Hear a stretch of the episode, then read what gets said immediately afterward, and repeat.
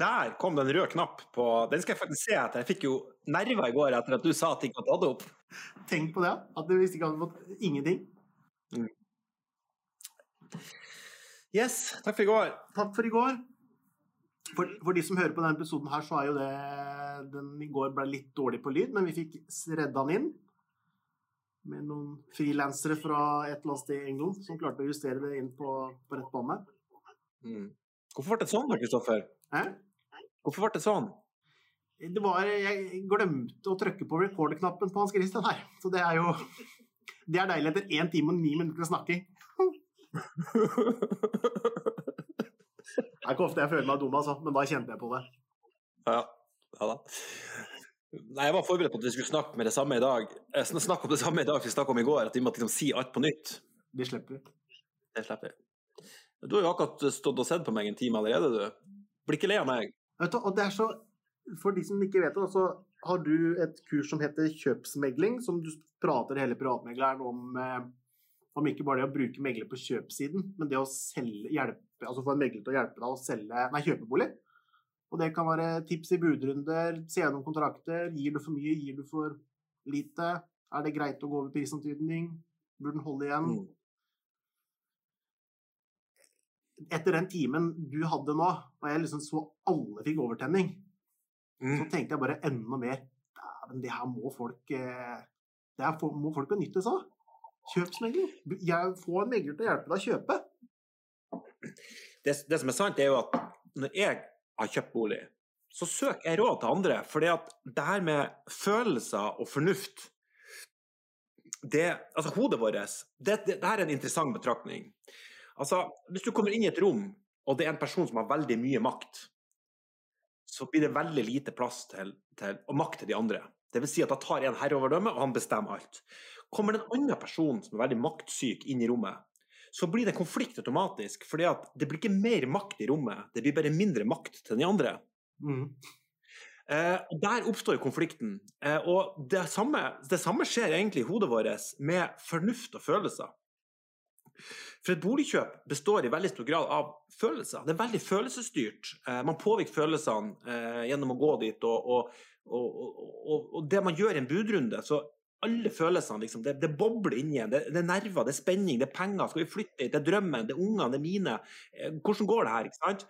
Og det som skjer med fornuften, det er at den får mindre plass. For hodet blir ikke større. ikke sant? Nei. Og da blir du ufornuftig.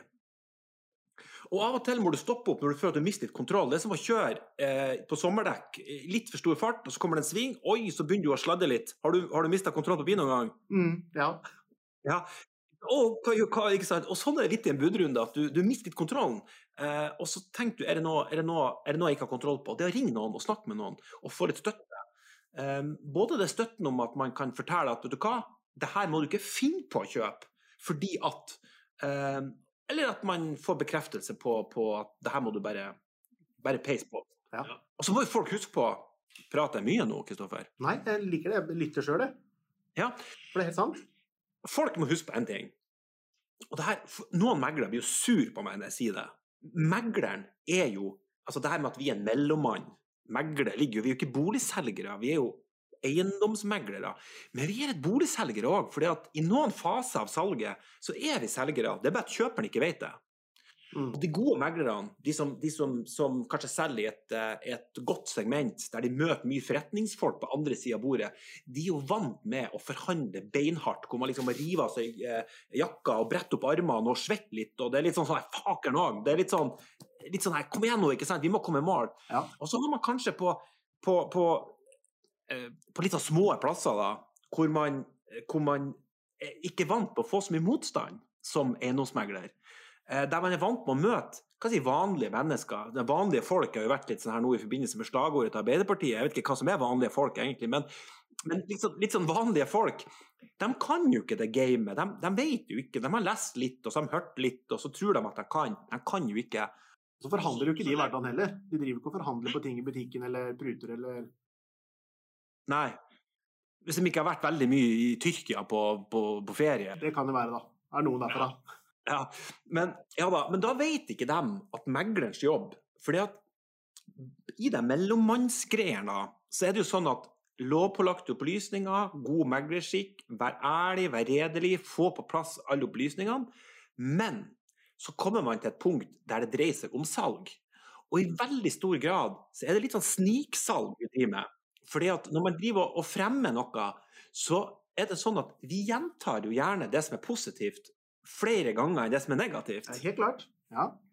Ikke sant? Så ser du en bolig med flott utsikt, så er det overskrift, liksom, panorama. Det innledes eh, fantastisk leilighet med deilig utsikt. Første bilde, fantastisk utsikt, fantastiske solforhold.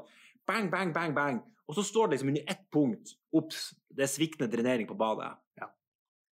Sånn at det positive er overkommunisert, mens det negative er underkommunisert, eller svakt kommunisert, men godt nok innenfor loven. Mm. Så det er jo ikke en full balanse her. For hvis det skulle vært sånn at hvis, hvis det er fantastisk utsikt, men ræva bad, så har det vært i loven du må, du må si det negative like ofte som, som, eh, som, det positive. Så det er sånn fantastisk utsikt, men dårlig bad. Og Her kommer du inn på et fantastisk soverom, men husk på det at det er et dårlig bad her i huset. ikke sant? Ser en deilig stua, utgang til en fantastisk balkong med nydelig utsikt, men ikke glem det her badet. ikke sant? Så da måtte man jo ha, ha veid det opp med det negative, og det gjør man jo ikke. Nei, balansert. Vi, har ikke, vi er ikke der ennå. Nei. Og det og det, og, og, og, ja, vær så god. Men, men, men det er jo litt sånn, det er fordi alle også gjør det, da. og Det har blitt gjort sånn i hvor mange x antall år, ikke sant? At, eh, Og så vil alle ha best mulig, og, og man tør ikke å gamble på å skrive i overskriften 'Hei, jeg har dårlig bad, men bra utsikt'.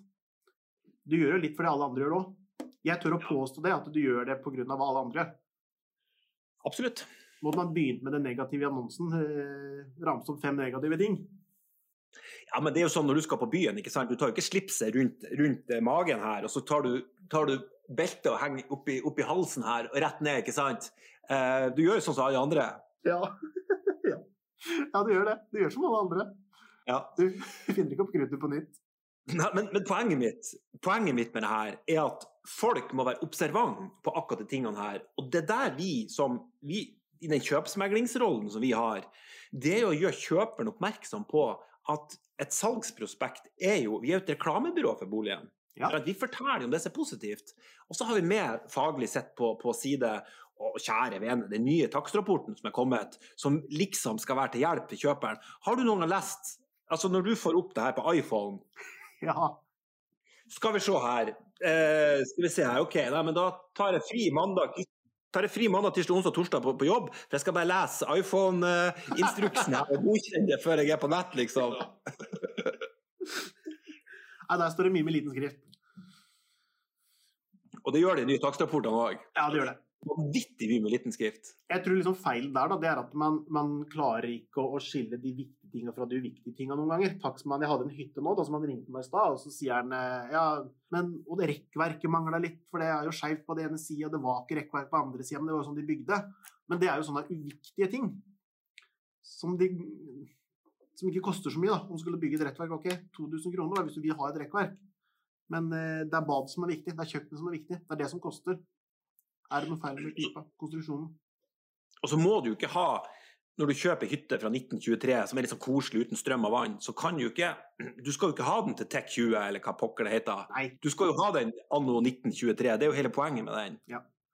Så det at det er litt for lang gap i trappetrinnene, eller at det ikke er rekkverk ned hønsetrappa opp til eh, sovehemsen, eh, sånn er det bare. Og det tror jeg er et godt tips å bare ikke henge seg opp i småting på en gammel hytte. Ta, se de store linjene. Det er egentlig det folk er ute etter. Cut the crap, kan du si meg hva som er feil her? Mm. Eller hva som må gjøres? Og så tror folk henger seg litt, jeg tror folk henger seg litt for mye opp i det. Vi snakka jo litt om det um, Nå driver du og klipper og limer litt, så enten så blir det med, eller så blir det ikke med. Men det er jo litt av sjarmen. Mm. Jeg blir alt med.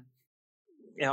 Eh, så folk stopper jo opp og, og, og henger seg opp i ting som er jeg, jeg fatter ikke at det går an. Eh, de, de, går glipp av så mye. Jeg har jo møtt folk som i årevis har hengt seg opp i, i at det er hvite lister på gulvet, eller at det er hakk i parketten, eller at det knirker litt i stuegulvet. Og så tenker jeg på de her to årene, hvis du skal kjøpe en bolig til fem millioner, de har jo gått glipp av en million i prisutvikling, ikke sant? Fordi at det henger seg opp i den forbarskede listen på stua. Det er helt krise. Og så må man bare huske at man kommer aldri til dekka bord. Det er ingen som selger en bolig og tenker at nå skal jeg gjøre det veldig koselig til nestemann. De vil, det er stressende å selge, det er taximann, det er fotografer, det er rydding, det er vasking. Det er megler som skal inn, du blir sliten. Det er, kan være en slitsom prosess for noen. Sånn, Mm. For du gjør det ikke hver dag. Og da tar du ikke og maler lista for neste person. Noen gjør det jo selvfølgelig, men du selger det sånn som det er, og så kommer noen andre inn med nytt, eh, med nytt syn og ny, ny glans i ansiktet. Ja da, men det er klart, skal du, skal du gi et godt råd til en boligselger Derfor anbefaler jo jeg til de som går på jakt etter, bol, altså på jakt etter ny bolig, og så snakker med de om ja, hvordan bor du i dag? Ja, men den skal jeg ikke selge før jeg har kjøpt. Nei da, du skal ikke selge den. Du skal ikke inngå en bindende avtale med en ny kjøper før du har uh, kjøpt. Men det å starte prosessen med salget, at det er en forberedende fase av salget som er ganske viktig. Og da kan det jo være for å åpne opp for noen kjøpere, eller ikke få de kritikerne til å ta for stor plass i, i kjøpet, kjøpsfasen.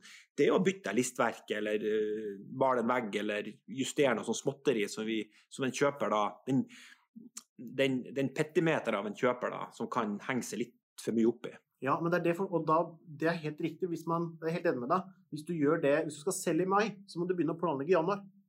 For det tar en måned før du finner ut hva du skal gjøre, og så kommer du underveis, og så kommer en elektriker litt for seint, og så er snekkeren på ferie, og så blir han sjuk, og plutselig så har salget der. Så jeg tror det er bare planlegging. At vi er litt dårlige til å Aller fleste er jo det, da. Når de ringer, så vil de gjerne ha boligen ute i morgen. Ja, absolutt. Og jeg sier jo det. Eh, gå, gå, velg eiendomsmegler nå. Meg eller noen andre. Eh, meg, forhåpentligvis. Men om det så er noen andre. For et oppriktig råd er inngå den kontakten i dag. For da kan du begynne forberedelsen av salget. Så den dagen du har kjøpt, så begynner du å tenke å fanker, nå må jeg selge, ikke sant? Og så blir du dritstressa. Mer stressa enn du tror. For du har kanskje betalt litt mye i en budrunde. Og så vet du at pokker, nå er det påske, nå er det snart sommerferie, vi får få kasta den ut i markedet. Vi leser aviser, det er et fantastisk marked. Og så hopper du bukk over den forberedende delen, som kunne ha gitt deg en enda større eh, salgspris da, til syvende og sist. Det, det tror jeg Men du- må dere lære om. Mm. Kristoffer, jeg har lyst til å eh, prate om i dag. Og vet du hva det er? Ja, og jeg har lyst, ja, og jeg har lyst til å prate om forhandlingsteknikk. Å, det er så spennende. Og jeg, jeg, jeg, du vet at når du nevnte det på slutten i går, så ble jeg sånn Å, jeg kan ikke glede meg Jeg gleder meg så mye til i morgen at jeg fikk nesten ikke sove. Fikk krampe klokka 11. Så nå er jeg veldig spent på de teknikkene Hans Christian Espenes sitter inne med helt nederst i kofferten. Ja, eh, jeg, eh, jeg, jeg har jo fått meg snap, så jeg må bare sende, jeg må bare sende, sende noen snapper her. Send noen, se noe snap nå. Eh, nei, det som eh, jeg tenker Og det her er Her kommer salgsmeglerne til å bli litt sur på, men det har ikke noe å si. De har bare godt av det, tenker jeg. Ja, ja. Nå har jeg lyst til å gi noen råd til dere som skal på boligjakt. Og det rådet jeg gir nå, er hvis det er liten interesse. Hvordan skal man gripe fatt budrunden hvis det er en bolig som har lagt ute lenge for salg, og hvis man ser at her kommer det ikke inn noe bud? Hva gjør man da? Moro scenario.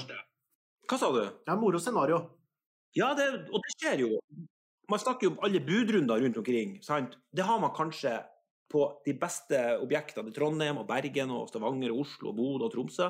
Men det finnes jo masse plasser som ikke har det trykket som det står om eh, øverst i VG hele tida. Mm. Så finner man en bolig på Finn som har stått ute for salg en stund. Så tenker man ok, hva er gærent med den her? Det kan selvfølgelig være noe gærent med den. det kan være overpriser, f.eks. Men det trenger jo ikke være noe gærent med han. For det kan være at markedsføringa av det objektet her har vært litt for dårlig. Boligkjøp er veldig ferskvare, og hvis det ikke blir stor respons umiddelbart, så kan interessen dø. Og så er vi mennesker sånn at vi skal alltid gjøre det samme som alle andre. ikke sant? Eh, Vi, i, vi, ha, vi søker trygghet og, og denne gruppefølelsen, denne fellesskapskulturen om at vi alltid skal gjøre akkurat det samme som alle andre, er veldig sterkt hos oss. Så hvis vi ikke får bekreftelse hos, hos alle andre, så stoler man ikke på egen intuisjon og egen magefølelse, og så, og så kjøper man ikke. OK, man finner et objekt som har stått lenge for salg, liten interesse. Man tar kontakt med megler, kommer på visning.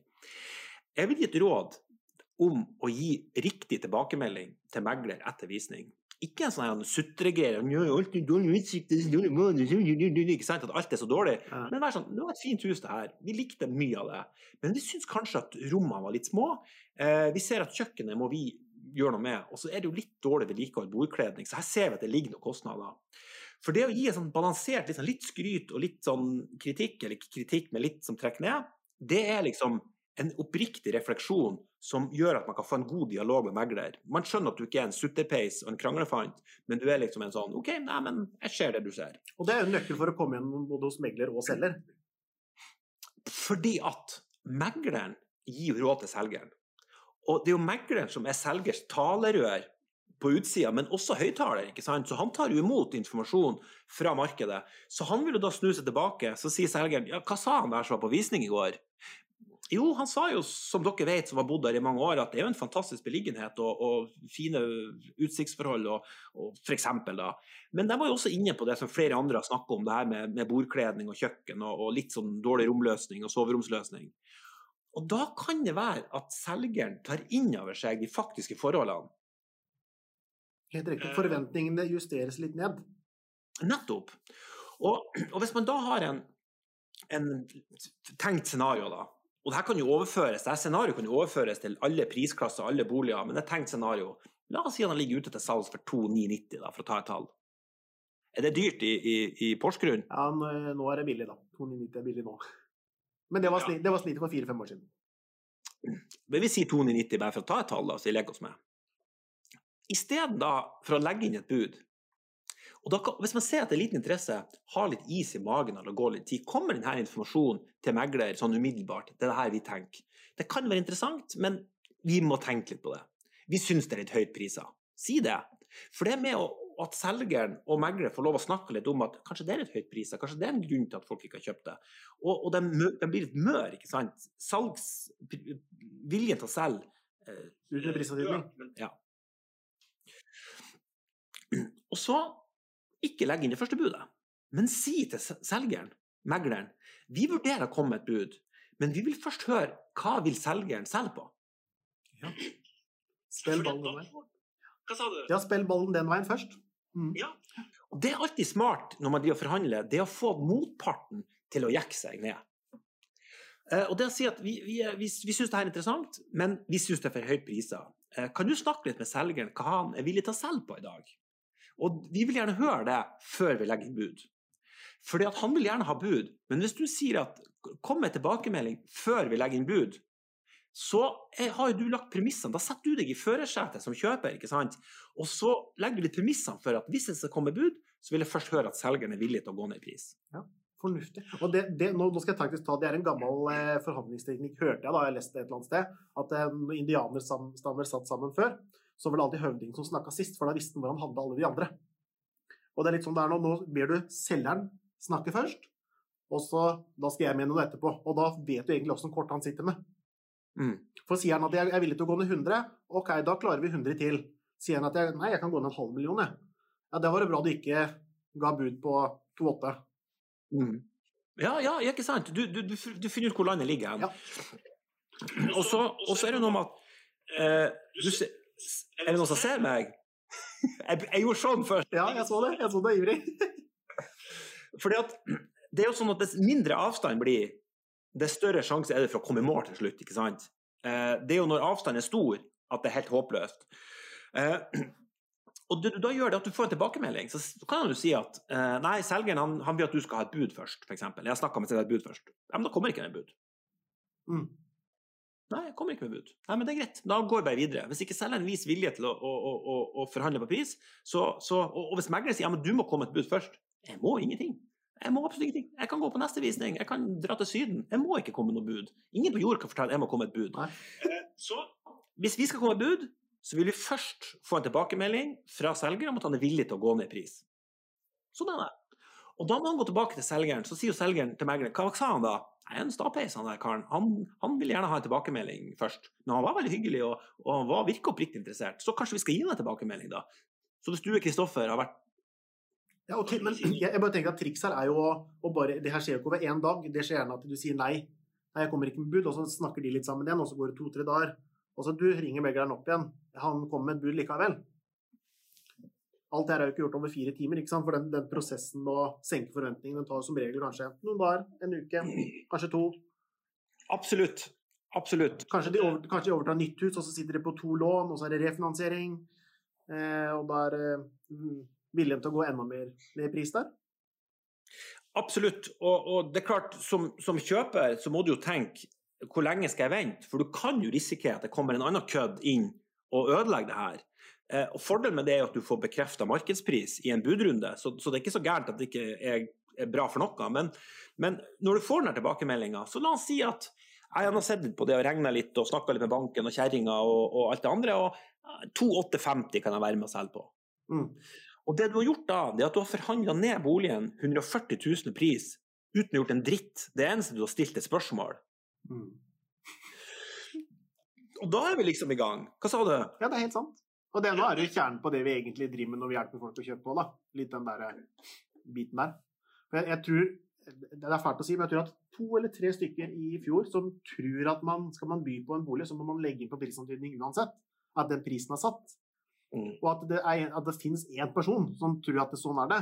Da, da blir jeg litt skremt også. Ja, for det er prisantydning. Det er antydning. Det er, en, det er gjetting. Det er en uh, kalkulert gjetning. Mm.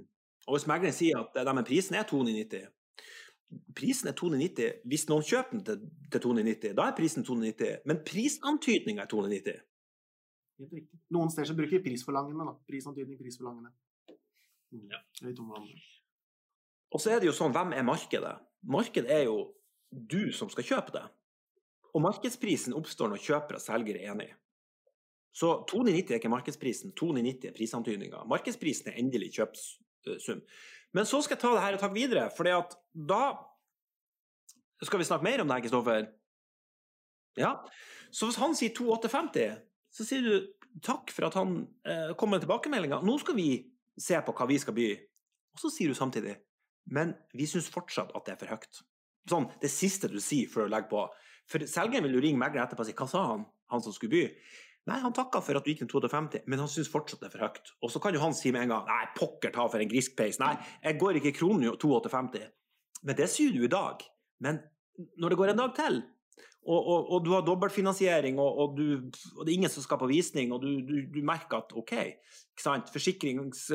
strøm, strømutgiftene kommer og alt det her, så tenker du OK, kanskje jeg kan være med litt mer ned, da. Og så anbefaler jeg å by langt lavere enn det igjen. Men da kan man f.eks. by 2-3, 2-4. Men så kan man jo si til megleren at eh, vi skjønner jo at kanskje 2-3 er litt lavt, men vi legger nå inn det første budet her, så har vi det skriftlig. Så får vi nå liksom da har vi posisjonert oss litt. Så det er du som er megler. Du får nå prøve å megle frem en god pris her nå, da. Eh, så selgeren har sagt 2850, jeg har sagt 23, og så får vi se hva vi gjør. Det er deilig å si til megleren. Da får, da får du forhandle fram en god pris her, og så legge på. Den har jeg hørt før. Ja, jeg syns det er artig. Ja, og, det er jo anbefales. Og begge, begge, vet at den ikke kommer til å bli solgt på 2-3 hvis på en måte det ikke er helt skivebom, og han er på 2-8, og så går det kanskje litt tid, og så møtes man kanskje på 2-7-50 et eller annet sted. da. Men det handler jo om å strekke den strikken lengst i andre retning. Ja, og så er det om å gjøre å ikke ta for store jafs nå. Man må, jo, man må jo på en måte eh, passe på at man ikke blir ufin eller kommer i ulaget til selgeren og at man syns at du er en idiot. For da kan du ende opp med at han blir prinsipiell. At han der han, Espenes skal i hvert fall ikke kjøpe boligen min, sånn som han er. Så du må liksom holde en munter og god tone og være litt eh, positiv og glad. Og, og, og, ja. så, men så kommer det interessante. Eh, og, og, det er det her med forbehold. Fordi eh, det går an å ta en rekke forbehold. Vi er jo ikke noe veldig glad for det som meglere, men nå er det jo ikke megleren skal tilfredsstille. Det er jo deg sjøl som kjøper. Det er jo dine interesser som står i fokus her. Og da kan du velge i det tilfellet her Kanskje skal du gå opp til 2-4, og så tar du et forbehold om at spisestua er med, sofaen er med, sengene er med, veggseksjonen er med, eh, gjøkuret på veggen er med, skohornet er med, altså masse sånne småtteri er med. For da vil jo megleren tenke Nei, Jesus Christ, her går han opp 100 000, og i praksis skal han ha med noe til 250 000, ikke sant? Men du viser fortsatt en sånn, her, en sånn bastanthet i forhold til at nei, jeg syns ikke boligen er verdt noe mer, så nå må faktisk selger komme på banen. Og så kan du underveis i budrunden, selv om du kanskje er villig til å betale 2,8, men det må du ikke si til en kjeft i verden, ikke sant? For du må holde dine kort kort, tette brystet. For vi må huske på at megler, selger har jo megler på lag. Men du, du, er på ditt eget lag, ikke sant? så du må verne om dine interesser. Og så går det jo an, når du går opp, da Hvis han går ned til 2,8, han var på 2,850 i stad, henger vi med nå? Ja, 2,850. Ja. Mm. Så kan du liksom gå opp til 2,450, og så kan du slippe av noen forbehold. For eksempel kan du også spørre hva syns du om forbeholdene den sofaen der? De har jo akkurat kjøpt, den passer jo perfekt i nye stua, så den får du ikke. Nei, OK. Nei, men jeg kan gå opp til 2450, og så fjerner jeg sofaen. Og så føler selgeren her fra å gå fra et krisebud til at han opplever at det blir bedre og bedre. Men du har egentlig skapt et dårlig bud sjøl med å putte på urimelige forbehold i et urimelig lavt bud. Så når du da liksom kommer opp på 2,5 og har tatt på spisestua og sengeren, og sengeren vil du ikke ha uansett, sant? noen andre har drevet og jokka i, så det gidder du ikke. Så du, du, tar jo bort sånne forbehold som du uansett det vil ikke vil ha. Og da begynner jo kanskje han der um, selgeren som så dødsmørkt på det her, han er plutselig oppe i 2,5 og så er det bare spisestua som står igjen. Han syns kanskje den er litt stor og reklete og passer ikke inn i det nye. Eh, så, så, her begynner man å nærme seg noe. Og på den måten så, så gjør du deg sjøl mer attraktiv, men du er med? Ja, jeg er helt enig. Helt enig. Men det, det, er egentlig bare at du, du, må, du, må, klare å senke det så lavt at du ikke blir prinsipielt. At du, du, er helt der nede at det, oh, det gjør veldig vondt. Og så blir det litt lysere for dag, hver eneste dag som går. Og plutselig så ser det budet på 2,6-2,650 ut med bare et forbehold om at uh, de gjøkura skal følge med veldig attraktivt i forhold til en uke tidligere.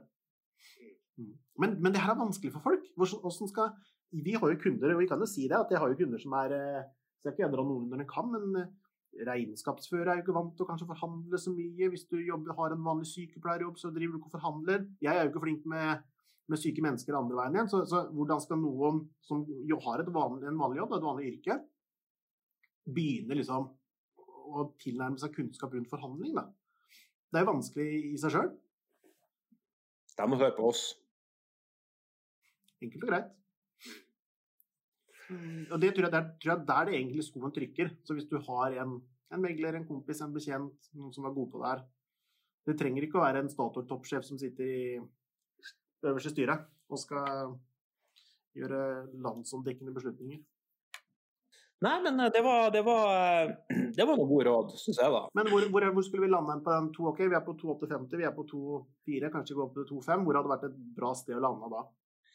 Det må man jo kjenne på hvor ivrig For det man får testa her, det er jo hvor ivrig selgeren er. Men som kjøper, hvis vi gir råd til kjøperne, det å øke litt av gangen. Så hvis han går ned til 2,8, eh, og du er på 2,450 så er det liksom ikke å gå opp til 2,6, men du kan gå opp til 2,74.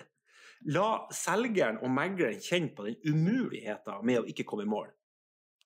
Eh, og men fortsatt at det er for høyt. Og argumenter for det. Eh, si gjerne at eh, jeg skal i kontakt med en snekker når han skulle komme tilbakemelding i løpet av kvelden eller morgendagen med tanke på denne kledninga på østveggen, eh, så får jeg høre hva det koster. Og så kan man jo ta telefonen morgenen etterpå og si at nå har jeg snakka med den snekkeren, og det var jo mye dyrere enn jeg hadde trodd. Eh, så jeg er jo glad jeg ikke bydde noe mer. Mm. Så det han hadde skissert i takstrapporten, at takst som hadde kostet 200 000, det, det kosta 350 000-400 000 nå i Porsgrunn. For det er så press på, på, på håndverkerne akkurat nå. Og jeg ville jo gjort det raskt, ikke sant? for det kan jo komme både fuktgjennomtrenging, og snart er det vinter, og, og råte, og det kan jo komme mus inn og masse annet. Så det at man, man karikerer, på samme måte som at megleren karikerer de positive egenskapene, så må du på en måte ta med de positive tingene og si ja, det har jeg sett, og jeg har sett veldig pris på det, derfor vil jeg by, men du må overdrive litt de negative tingene, sånn at det blir en balanse i hodet til megleren, og den balansen må han da formidle videre til selger. Vi vet jo hvordan vi meglere er, Kristoffer. Vi går jo inn og så fantastisk, for en beliggenhet, for en utsikt, oi, oi, oi, det her er helt nydelig, og så har du kort vei til vann og egen båt og parkeringsplass og garasje, og oi, oi, oi, Kristoffer, sant? Nå det vi oss. Ja, og så selger han, han hadde forventning om 2,5, og så plutselig ble det 2,78, 2,9, 3 millioner. Du ser at takstaturet hans det øker jo bare etter hvert som du står og skryter av det. Til slutt må han 16 millioner, vet du, skal han være villig til å selge noe. Ja, ja, sant. Og så er alle meglere akkurat sånn som deg. De kommer inn og bare 'oi, så fint du har det'. Det er jo ingen som kommer inn og sier 'ah, den veggen her er helt håpløs'. Akkurat det badet her, uff, uff, uff, uff ikke sant? Mm. Men, men der, kan der, der, kan vi jo komme med et råd. Da, hvis du henter inn, for det er vanskelig som, fra meglerens side ringer en kunde meg som er litt uviten, det er enkel å selge det, da, for å si det sånn. Og så kommer det to andre meglere, og så sier jeg OK, nå skal vi være litt realistiske. Du har ikke det sprekeste badet. Du, har den, du har, mangler en parkeringsplass. Du treffer ikke helt barnefamilien. Og så begynner jeg å ramse opp litt sånn. Så sier jeg men det er ikke for å være negativ. Nå er vi bare realistiske. For det kommer en dag det kommer en visning, og det er noen som skal kjøpe det huset her, og legge to, tre, fire, fem millioner på bordet. Og det er ikke meg eller deg eller de andre meglerne. Så, så kanskje det er greit å være litt Bra, Kristoffer. Helt enig. Jeg er akkurat like sjøl. Og så er det en balansegang om man skal ta den praten på første møte, når man inngår avtale med kunden, eller om man skal signere avtalen og heller ta det i en del av fremdrift, og, og når man skal begynne å snakke om pris, prissetting. Du, når, når prissetter du boligene, forresten? Eh, jeg, de fleste har vel en forventning at vi skal vite hva boligen cirka har vært når vi kommer. Eh, så jeg pleier liksom å si noe ganske tidlig, men jeg spikrer det ikke. Jeg sier vi må være åpen for både den ene og den andre veien. Vi sier vi mangler dokumentasjon, takstmannen må inn. Vi vet jo ikke hvordan boligen faktisk er. Eh, tilstandsrapporten tar jo kanskje en dag nå da, for en takstmann å utarbeide, bare på befaringa. Så det mye, kan være mye spørsmålstegn eh, opp og ned fra den takstrapporten. Men så skal han ikke bruke det som et brekkjern etterpå, eller da, bare for å snakke ned. Så den skal være overpositiv, og så, og så skal megleren bare justere ned. Eh, jeg tror det enkleste oppdraget jeg har, da, det tror jeg du også har, det er når vi er realistiske med en gang, og så sier vi det bare så enkelt. Gjerne velg noen andre, men det kommer en dag du ikke får lurt deg unna den der hyggelige kosepraten på starten uansett. For realiteten kommer til å slå deg i ansiktet, men eh, alle har litt for høye forhåpninger i starten. Meg inkludert. Du er veldig flink, Kristoffer. Hvis jeg hadde bodd i Porsgrunn, så skulle jeg ha brukt deg som megler. Jeg mener det. Ja, kanskje. Kanskje jeg hadde kanskje hadde fått lov til å være kunden min nå.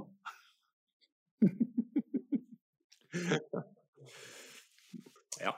Er, er, er, du ikke enig? Jo, jeg er helt enig. Jeg, jeg bruker å skissere gjerne et prisnivå. Jeg. Eh, for at I Trondheim så er det veldig få boliger som går på prisantydning. Enten går det over eller under. Så det å ha litt sånn at dette er verdig mellom 4,5 og 5, eller eh, mellom 4, 7 og 5, 2 et sted. For da, da låser ikke prisantydninga så voldsomt. For hvis du har ti meglere på, på, besøk, så er det sannsynlig at ni av dem ikke treffer den salgsprisen. Så det er jo ikke noe gjettekonkurranse, og vi er jo ikke spåmenn. Eh, sånn at vi må på en måte komme tilbake til det. Men det jeg bruker å gjøre, jeg bruker pris. Jeg sier til kundene jeg vil gjerne prise prospektet. Altså, når vi er ferdig med, når du har gjort forberedelsene, tatt imot råd, vi har tatt bilder, vi har laga annonsen, og vi har Finn-annonsen og salgsoppgaven klar, da setter vi oss ned og så tar vi en prat om prisantydning. Og Det er to grunner til det. For det første så kan vi være helt tett på hva er markedet akkurat i dag. Fordi at Fra du inngår en avtale med kunde, og en måned etterpå så skal han ut i, i, i eh, altså du inngår avtale i dag og skal han ut i markedet om en måned, så kan det skje en del referansesalg. Fordi at Hvis alle eiendommer i området som er dårligere, har gått for 5,5, så kan vi ikke prisene til 4,7. Men hvis alle, områder, alle i området har gått for 4-7, skal vi heller ikke prisene til 5-2, for det blir for høyt. Så det å avvente denne eh, prisfastsettelsen, fordi det er veldig mye ferskvare, det tror jeg er smart. Men så er det også sånn at jeg har jo sett boligen jeg skal selge, og eieren har jo sett boligen han skal selge, selvfølgelig. Men markedet har ikke gjort det. Og hva responderer markedet på? Jeg responderte på en hyggelig henvendelse om hei, Hans Christian, jeg skal selge huset mitt. Men de som skal kjøpe bolig, de responderer jo på annonsen. Mm. Og når du da sitter med bildene og fasiten, og du da skal prissette her, så må man stille seg spørsmål hva må prisen være for at markedet skal komme på visning? Ja, helt riktig. Og, og så er det jo ikke noe poeng å prise seg ut av, av, av sikt heller, da, for å, for å, Bare for å få oppdrag heller. For, for oss så er det mye hassle i etterkant. Og så får en misfornøyd kunde uansett. Ja, nettopp. Eh, nei, jeg hadde en som, en som jeg selger for nå, og han har brukt en annen megler tidligere, på Heistad i Porsgrunn. Og han, eh, ja.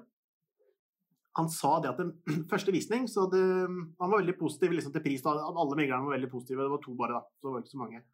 Eh, og så hadde han lagt ned til fire-seks, tror jeg det var. Og så den første visninga kom to stykker, alle syntes det var for høyt. Og så sier han Jeg spør ham hva tror du er grunnen til at vi ikke får solgt for fire-seks, sier han selgeren da. Nei, markedet er ikke der. Og så sier han men for fader, det burde jo du vite som megler, at markedet er der eller ikke. Og som jeg sa, Da blir han aldri valgt som megler igjen. Jeg har solgt for ham fire ganger, da. Jeg har faktisk en bolig utenfor nå. Som er visning på i morgen. Nei, torsdag. Så, og, og, da går det andre veien igjen. Da blir du aldri valgt som megler igjen. Og, og da er det bedre å tape det oppdraget og si at vet du hva, sorry, da, da vil jeg velge valgt en av de andre. Og, og så ta en telefon kanskje en måned etter salget og så spørre åssen det gikk det egentlig. For det kan hende, for det jeg mener mindre, så kan det hende at eh, jeg hadde oppnådd den bedre prisen, eller vi, eller altså, Det kan jo gå alle veier. Så det er sånn luretriks for meglere. Si en høy pris, liksom. Det Ja, ja, ja. Og, og herregud, jeg sitter og ser i avisa, jeg blar opp og så tenker jeg bare Jesus Christ, hvis det er lov å si. For det, der blir jo aldri solgt. Og så kan jo både megleren som har lova for mye, eller så kan det være en selger da, som har masse gjeld eller betalt for mye, eller eh, må ha et gitt beløp for å komme seg videre i livet. Kanskje han har kjøpt dyrt og han liksom, jeg må ha så mye. Og da er jo prisen ikke satt ut ifra en forventa markedspris, men det er satt ut ifra et ønske eller forventning fra selger eller megler. da. Veldig bra, og det er et godt poeng at en bolig kan ligge ute og så tenker folk at det var dyrt, men så kan det være en grunn til det, og de grunnene kan Mm. være høy belåning, rett før tvangssalg, må, Mm. er helt avhengig av å få den prisen for å komme videre. Så det Mm. kan være flere grunner til at det er prisa høyt, da. Og da må vi jo kanskje ha det som en taktikk noen ganger. Sant? Men nå var vi på 2,8 og 2,6, og så er det et lite stillingskrig her. Vi er, vi er tilbake på forhandlingene i boligen her. Ja. Og da ringer megleren og sier han det at nei, men selger går ikke under 2,8. Så sier du nei, jeg går ikke under 2,6. Men så kan man si til megleren Men Kristoffer, hvis du har megler, da. Nå tenker jeg, hvis jeg skal prøve å tenke litt høyt, da. Selgers utgangspunktet ha 3 millioner. 290. Men vi sier 3 millioner. Og da kan man jo si 3 millioner. Og jeg legger et bud på 2-3. Avstanden var 700 000 i tillegg til alle de her møblene. Nå er vi 200 000 ifra hverandre. Mm. Nå er vi så nært. Jeg satt og så på OL på ski her, eh, på stafett. Eh, Så du herrestafetten? Nei. Du følger ikke med Følger ikke med, lager podkast og sånn. Men der gikk jo Norge veksla ut eh, 50 sekunder bak russerne på siste etappe, eller hva det var. Og det er klart, det sier seg sjøl at da gir du litt opp. Ja. Men hadde det vært 20, 20 sekunder, så har du sett et håp der. Og du virkelig kunne gønna på, kanskje overgått deg sjøl, så har du kommet i mål. Så hvis avstanden er liten nok, så er det et reelt håp til å komme i mål. Og det du da kan si til megleren, hvis megleren er litt passiv, det er å si OK, jeg skal snakke med kjerringa. I utgangspunktet så har vi tenkt å gi oss på 2,6, eller snakke med faren, eller snakke med banken. Finn på noe. Er det lov å si det, Kristoffer? Ja. OK. Eller gå en runde med meg sjøl. I utgangspunktet så hadde jeg ikke tenkt å betale mer enn 2,6. Eh, og så får du sjøl legge på bordet hva du, hva du har samvittighet til å fortelle megleren. Du trenger ikke å få veldig dårlig samvittighet hvis du ikke har sagt sant til megleren. Eh, De fleste har nok ikke det. Nei. Og så Nei, og så, og så sier jeg skal, jeg skal tenke på det. Uh, og så kan du òg spille inn Det er ei visning jeg skulle ha vært på uh, som jeg gjerne skulle ha sett her nå før jeg bestemmer meg, og den er i morgen kveld. Så det kan godt være jeg bruker et par dager på å bestemme meg, men jeg skal, jeg skal snakke litt med noen. Og så foreslår du snakker med selgeren, og så kan du si til selgeren mm. Nå forsvant du. Hvor eh, Husker du hvor du klappa? Ja. Fordi at du står jo her da med en avstand på to Eh, 826, eller hva det er. Og det å bevisstgjøre megler nå på at eh, OK, nå er vi steil der på, på 28 til 26. Og så kan du gjerne ta bort den spisestua òg, eller ta bort noen forbehold. Så du kan liksom bruke det du har lagt på forbehold som reelt sett ikke betyr så mye for deg, men du kan late som at det betyr masse for deg, og så tar du dem bort som et ledd i forhandling for å gjøre budet ditt bedre enn eh, en, en det faktisk er, da.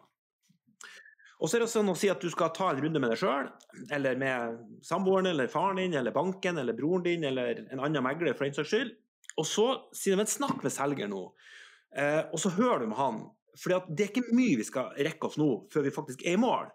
Og bevisstgjør òg megleren om at vi var jo tross alt 700 000 fra hverandre, pluss masse senger og, og, og møbler. Og nå er det 200 000 det er snakk om, så det er ikke mye som skal til før vi kommer i mål. Nei, vi er like nærheten nå. Og så kan du skremme han litt med å si at eh, Og så skal jeg jo på den andre visninga som er i morgen, så jeg tenker at hvis jeg ikke får kjøpt den her, så drar jeg dit. Eller så kan du si det at eh, det er fint hvis jeg får en tilbakemelding på torsdag, eh, fordi at jeg skal på en annen visning, og så får jeg vurdere de her opp mot hverandre, f.eks. da. Og det er lov å ljuge, de, de fleste gjør det som ljuger litt til megleren, sier at jeg skal på en annen, vurdere en annen en, har kikka på flere, er i en prosess, vi har ikke bestemt oss. Man legger jo litt på som interessent der òg, på en måte. Man sier jo ikke alt til megleren, som regel. Nei, men det å altså, ljug er jo et det er jo et veldig vanskelig, for det er jo litt med forhandlingsteknikk å gjøre. Og det er jo sånn Hvis du står og ser på politikere, som er våre fremste forbilder, egentlig skal være da, og de står jo og sier akkurat det samme. De sier at nei, det blir ikke sånn, nei, det blir ikke sånn. Men så kan det jo bli sånn. For et, i en ledd i en forhandling så blir man enig. Men man kan jo ikke legge alle kortene på bordet. Man var smart nok, smart nok til å holde noe for seg sjøl. Så, så, og her, sånn er det nå. Helt sant.